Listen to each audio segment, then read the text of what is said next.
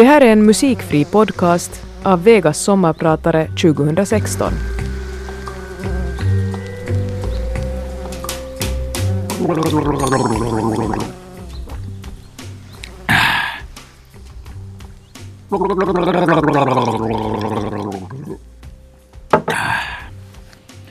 Gott dygn, ärade radiolyssnare. Jag heter Emma Numminen. På italienska så här egenmäktigt Maurizio Andreo Piccolo di Slivello. Jag hittade nämligen inte ett riktigt ord för hed. Så jag måste nöja mig med backe, dislivello, ett ord i maskulinum för backe. Alltså Maurizio Andreo är er sommarpratare idag. Sommaren är här, hurra! Jag har för över 40 år sedan komponerat en sång med detta namn. Om jag kan vara så självisk i det här programmet att jag säger det. Den svenska översättningen gjordes av diktaren Claes Andersson. På begäran av Radio Vega presenterar jag mig ånyo. Jag heter Emma Numminen, på svenska Moritz Anders Hedén. Jag är mångsysslare. Jag komponerar, sjunger, skriver sångtexter, böcker, filmmanus, jobbar i underhållningsbranschen. Å andra sidan har jag aldrig lämnat mina tre huvudämnen i universitetet. Filosofi, sociologi och allmän språkvetenskap. Dessa tre hör till mina bestyr vid sidan av musik och annat motsvarande. Utan hänsyn ska jag också berätta för er om dessa ämnen. Och jag spelar också för er en liten del av den musik som jag tycker mycket om. Alla sorter av min favoritmusik hinner jag inte ta med, blott några låtar. Vi som bor i Norden tycker mycket om sommaren. Vi här i Finland önskar ofta att vår sommar skulle vara längre än tre månader. Många har undrat varför den dag som på tyska heter Johannis kallas för midsommar. Den är ju här i Norden i juni som är den första sommarmånaden. Men tidpunkten för midsommardagens inträffande har på sin tid bestämts i södra Europa till äran av Johannes döparens födelsedag. I mellersta och södra Europa inträffar midsommaren rätt mitt i sommaren.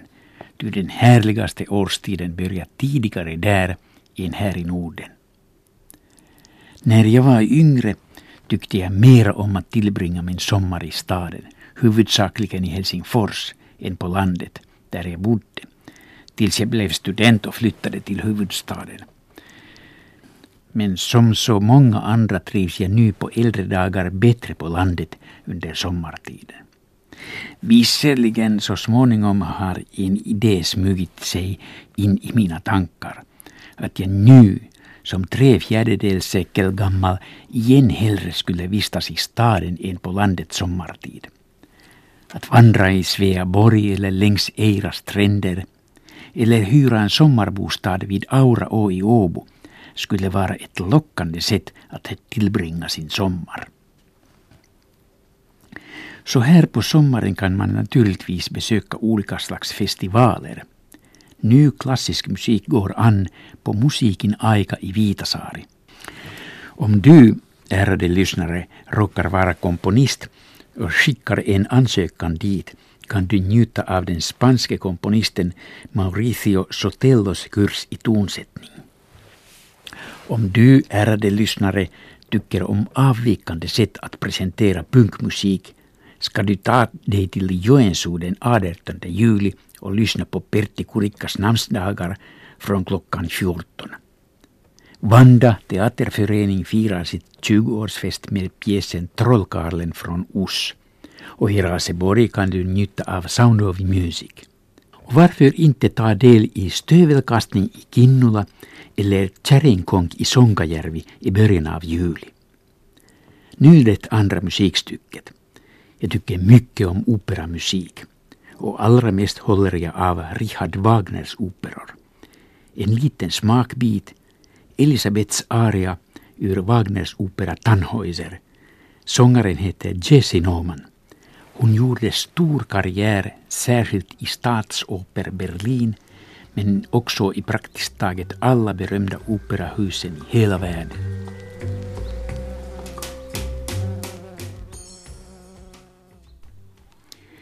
Kanske en liten förklaring om mitt operaintresse. Det började genom radiolyssnande i Salo i början av 60-talet då jag var praktikant i kansallisosakepankki där. Då för tiden hände det inte särskilt mycket intressant i Salo. Därför gjorde jag två saker vilka jag inte behövt ångra.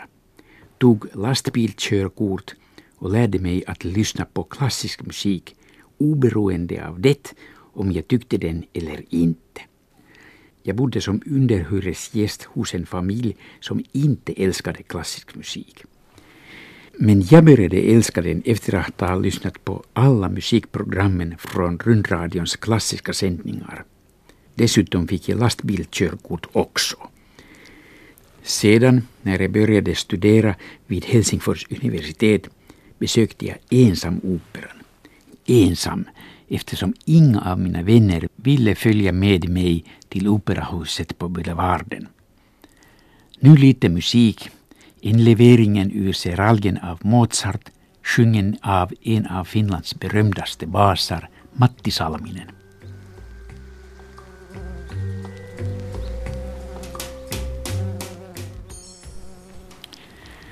Jag ska storstäda min sommarstuga som har varit grisig i cirka tio år. Detta gör jag när jag har tid. Jag har nog några plikter runt omkring i landet under sommaren, men att städa är ju människans plikt också. Om kvällarna, då jag är trött och vill slappna av rejält, behöver jag lite metafysik. Metafysik är en gren i filosofin som behandlar frågan om verklighetens grundläggande natur och försöker göra rationella utsagor om fundamentala drag hos allt varande. Ett viktigt ämne i metafysik är viljans frihet. Andra frågor som metafysiken behandlar är till exempel hur är naturen beskaffad? Finns Gud?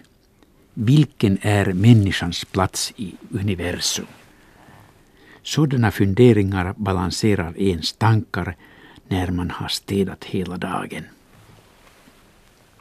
Alltså tar jag på kvällen fram den tyske filosofen Martin Heideggers mästerverk Vara och tid och uttryckligen den nya svenska översättningen av den svenske filosofen Jim Jacobson. Jim Jacobson har nämligen lyckats där var många har varit mindre lyckade. Att översätta Heidegger på det sättet att läsaren förstår vad Heidegger vill säga i sin berömda och svårstämplade bok Sein und Zeit. Vara och tid är alltså en bok på lätt svenska. Efter sitt stora arbete har Jim Jacobson ännu skrivit en efterskrift där han förklarar och tolkar Heideggers filosofi. Efterskriften börjar så här. Trots alla rykten om motsatsen hör Vara och tid Heideggers Magnus Opus från 1927 knappast till filosofihistoriens mest svårfattiga eller dunkla verk. På ett plan är det snarare få filosofiska texter som borde vara lika omedelbart tillgängliga och begripliga för den vanliga läsaren. Liksom en del andra filosofiska klassiker kräver det inte några förkunskaper eller ovanligt djupsinne utan kan läsas med behållning även av den filosofiskt obevandrade. Alldeles så lätt är boken inte att den filosofiskt obevandrade människan kunde läsa den utan något förarbete eller behärskande av några filosofiska begrepp. Men när läsaren väl gör det kan hon läsa boken. Det är också det Jim Jakobsson menar när han skriver i sin efterskrift att Vara och tidboken i första hand och mestadels helt enkelt är ett försök att överblicka den mänskliga tillvaron med utgångspunkt i den handfasta omvärld vi alla är väl förtrogna med och mer eller mindre obesvärat kan orientera oss i som kännande, förstående, talande varelser i samvaro med andra, sysselsatta med olika redskap och omsörjande alla ärenden av större eller mindre vikt som upptar merparten av vår tid i ständig omsorg om oss själva, vår ställning i världen och våra relationer till andra människor. Det centrala ärendet i Heideggers bok Vara och tid är frågan om varats mening. Vid sidan av filosofisk läsning kan man njuta av nya svenska uttryck som Jim Jacobsson måste ha upptäckt då han översatte Heideggers mycket personliga tyska nyord och utvidgade begrepp. Dessa är till exempel begreppet alltid min, som motsvarar tyskans je mein. Och alltid minhet motsvarar tyskans Gemeinigkeit. Eller vad tänker ni om helvaro, översatt från tyskans ”ganz sein”? Kanske lättare att förstå om man använder uttrycket kunna vara hel. Lite komplicerat är begreppet kunna vara sig själv som motsvarar tyskans selbstsein können. Men på svenska låter det lättare. Martin Heidegger var och är i själva verket en av de största metafysiska filosoferna. Hans filosofi väcker ännu idag stora känslor bland filosofer. Några tycker att Heideggers filosofi inte är någon filosofi alls utan mystiskt tänkande utan stort värde. Några andra, till exempel jag, placerar honom bland de största oliktänkarna i filosofins historia. För att uttrycka sig ordentligt måste han uppfinna nya ord och begrepp ur det tyska språkets källor.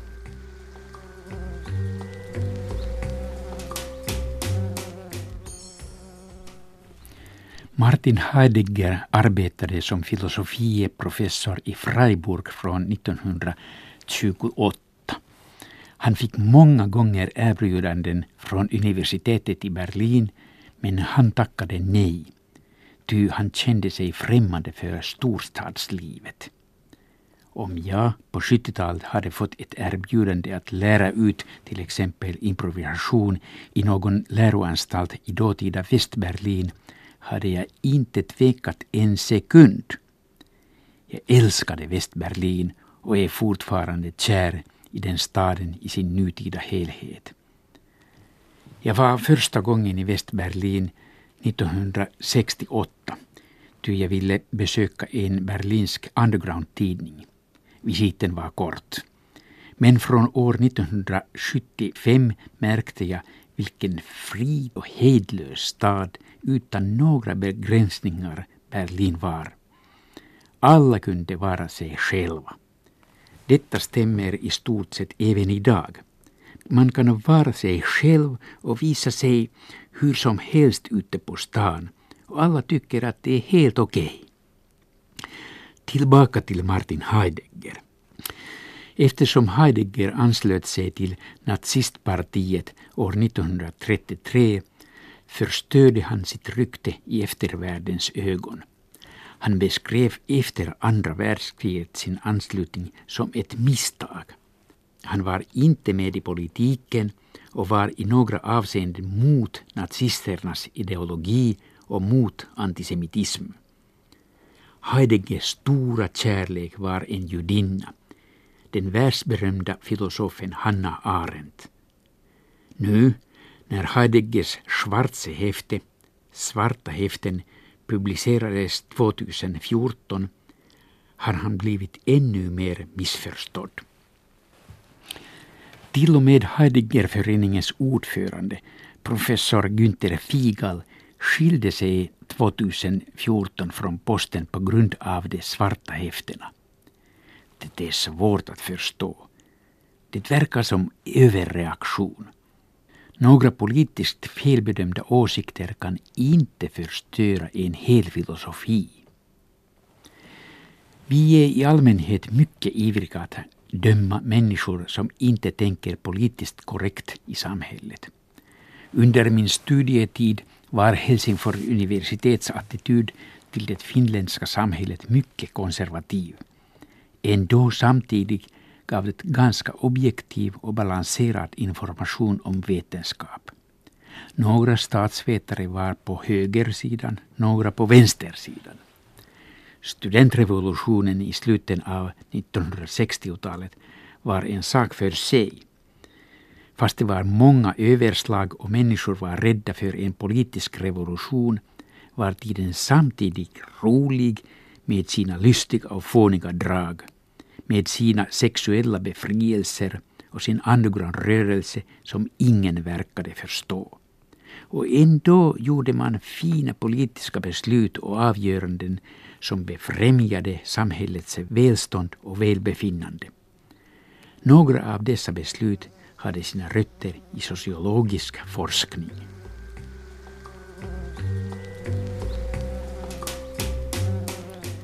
Radio Vega önskar att jag presenterar mig igen. Jag heter Emma Numminen. På min egen franska Maurice André Numignon. Det är förvånansvärt många finländare som reser utomlands under sitt sommarlov. Utan att statistiskt veta förmodar jag att en stor del av dessa människor inte känner sitt eget hemland så väl. Många har kanske ofta besökt Paris, Kanarieöarna, Thailand, men få av dem har vandrat på bergen i Ilomans nära den ryska gränsen eller tagit en tur i Kuusamos vildmark. För de finskspråkiga lyssnare som hör detta program säger jag här Besök öar i den åländska skärgården. Ta en färja till Föglö. Var modiga och använd den svenska som ni kan, ehuru den vore skolsvenska. Ni får ett vänligt mottagande. Jag tillhör de människor som alltid vistas i Finland på sommaren. Nåja, tillfälligt för arbetets skull kan jag för ett par dagar resa till Sverige och äta lunch på Gründhyttens gästgiveri omkring 50 kilometer nordväst från Örebro. Men mestadels njuter av fäderneslandets möjligheter att tillbringa juni, juli och augusti just i de orter där man utan besvär kan tala finska eller svenska. Jag har kommit till den slutsatsen att jag måste begränsa mig i några vissa trakter. Eftersom jag inte kan flytande italienska men jag kan ganska bra tyska borde jag ännu mer än idag studera tysk levnadsstil, tysk poesi och tysk musik. Fast jag troligen känner Finland bättre än de flesta lyssnare tycker jag att jag måste gå och kolla läget igen och igen. Annars kunde jag inte analysera Finland till mina utländska gäster eller mina bekanta vetenskapare som kommer till Finland och vill veta hur landet fungerar nu för tiden.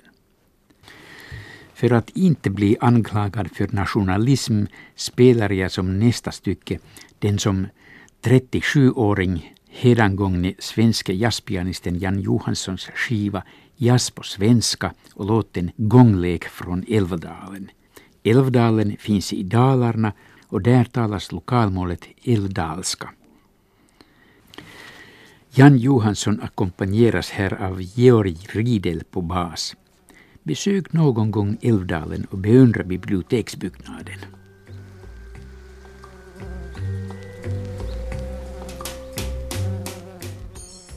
Professor, sedermera akademiker Erik Allard utgav en viktig och grundläggande bok Samhällsstruktur och sociala spänningar år 1965. Boken som han skrev på finska år 1964, översättningen till svenska av Bertil Kihlman, innehåller ett betydelsefullt begrepp, anomi. När det gäller en individ används ordet alienation. En person kan vara missanpassad i samhället, hen kan blivit främmande för andras livstid. När samhället har blivit mer och mer sekulärt kan några medlemmar vara alienerade från Gud.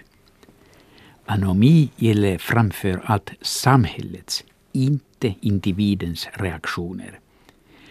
Erik Allard säger i sin bok att anomin är ett tillstånd där gemenskapen inte kan ge individen bindande normer eller kanske ett tillstånd där det inte alls förekommer normhelhet som gäller några saker och ting. Detta skrev Erik Allard 1964. Begreppet anomi kändes för 50 år sedan som ett ganska ovanligt fenomen i det finländska samhället. Nu verkar anomin råda i Finland allt mer, fast själva begreppet anomi inte allmänt odlas i medier. Istället talas det om att några personer är utslagna från samhället. Dessa människor är till exempel av några skäl misslyckade i skolan, de har tappat möjligheten att få jobb och så vidare. Men just nu utvecklas i Finland ett problem, en ny typ av alienation. Många av de invandrare som kommit till Finland i fjol och under detta år, fulla av hopp att få ett nytt och bättre liv här, får inget grepp om den finländska livsstilen och efter många försök passiveras de. De blir utslagna, alienerade. Måhända nu en sång som passar ihop med detta som jag just berättade.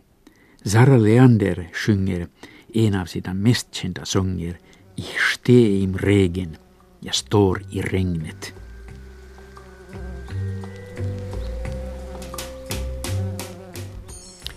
Vi finländare som bor i städer har en stor lust att vistas ehuru en liten tidsperiod på landet på sommaren.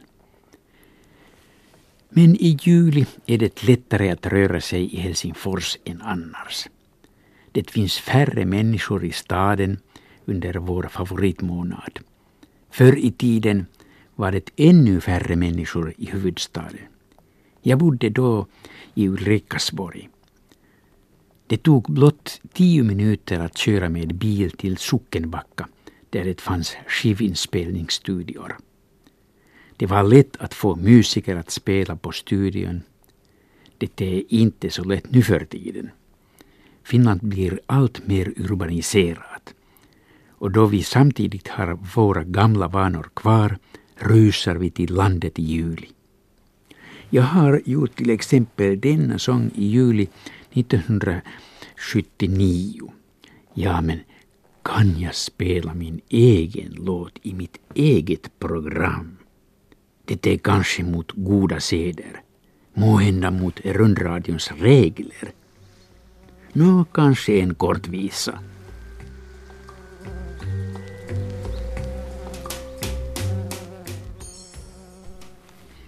Kära lyssnare. Besök finländska städer under sommaren och titta på vad som hänt på 10-15 år. Också många städer på landet har blivit livligare och fått centraleuropeiska drag i sina gatu och kaffekulturer. Gå och titta på vad som finns i till exempel Jyväskylä jämfört med hur det såg ut där för 15-20 år sedan.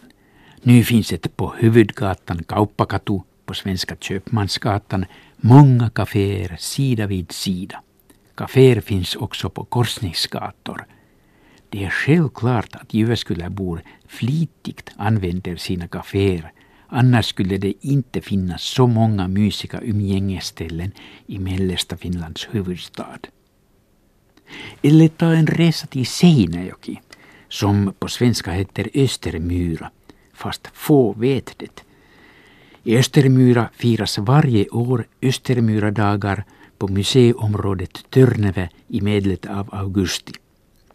Också Östermyras stadskultur har förändrats kraftigt.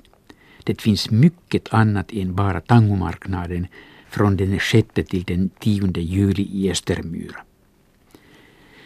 Jag ser inga problem att samtidigt tycka om Finland och främmande kulturer.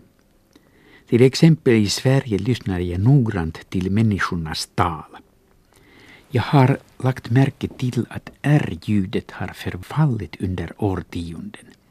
När jag besökte Sverige på 1960-talet hör jag svenskarna uttala R på starkt sätt. Nu har det hänt en degeneration. R-ljudet har lösts upp i engelsk stil. Lyssna till Jussi Björlings skivor. Han uttalar R-ljudet på klart sätt. Ett annat problem i svenskan som stör mig är att kommateringen har minskat. Emedan svenska inte är mitt modersmål måste jag, ja till och med här i Svensk Finland, läsa delar av tidningsartiklar då och då många gånger för att kunna bilda mig en uppfattning om vad som sägs i texten. Om det finns en lång mening skiljer man inte i texten bisatser från huvudsatsen. Därför måste jag läsa texten om och om igen för att inse vad skribenten menar. Samma problem finns förstås i Sverige. Jag läser regelbundet kulturtidskriften Access och där skriver många utan att bry sig om kommat. När jag däremot läser den tyska tidningen Die Zeit, vilket jag också gör regelbundet, förstår jag texten i ett hy, ty kommatecknen är där var det bör vara. Så här på slutet av mitt program spelar jag en fin version av Jovan Ivanovicis vals Donauvällen, Donaus vågor. Nu spelas den av Öl Bostik, den särskilt under 1950-talet berömde altsaxofonisten som gjorde egenartade tolkningar av kända melodier. Jag heter Emma Numminen, på svenska M. Anders Hedén. Pigg sommar!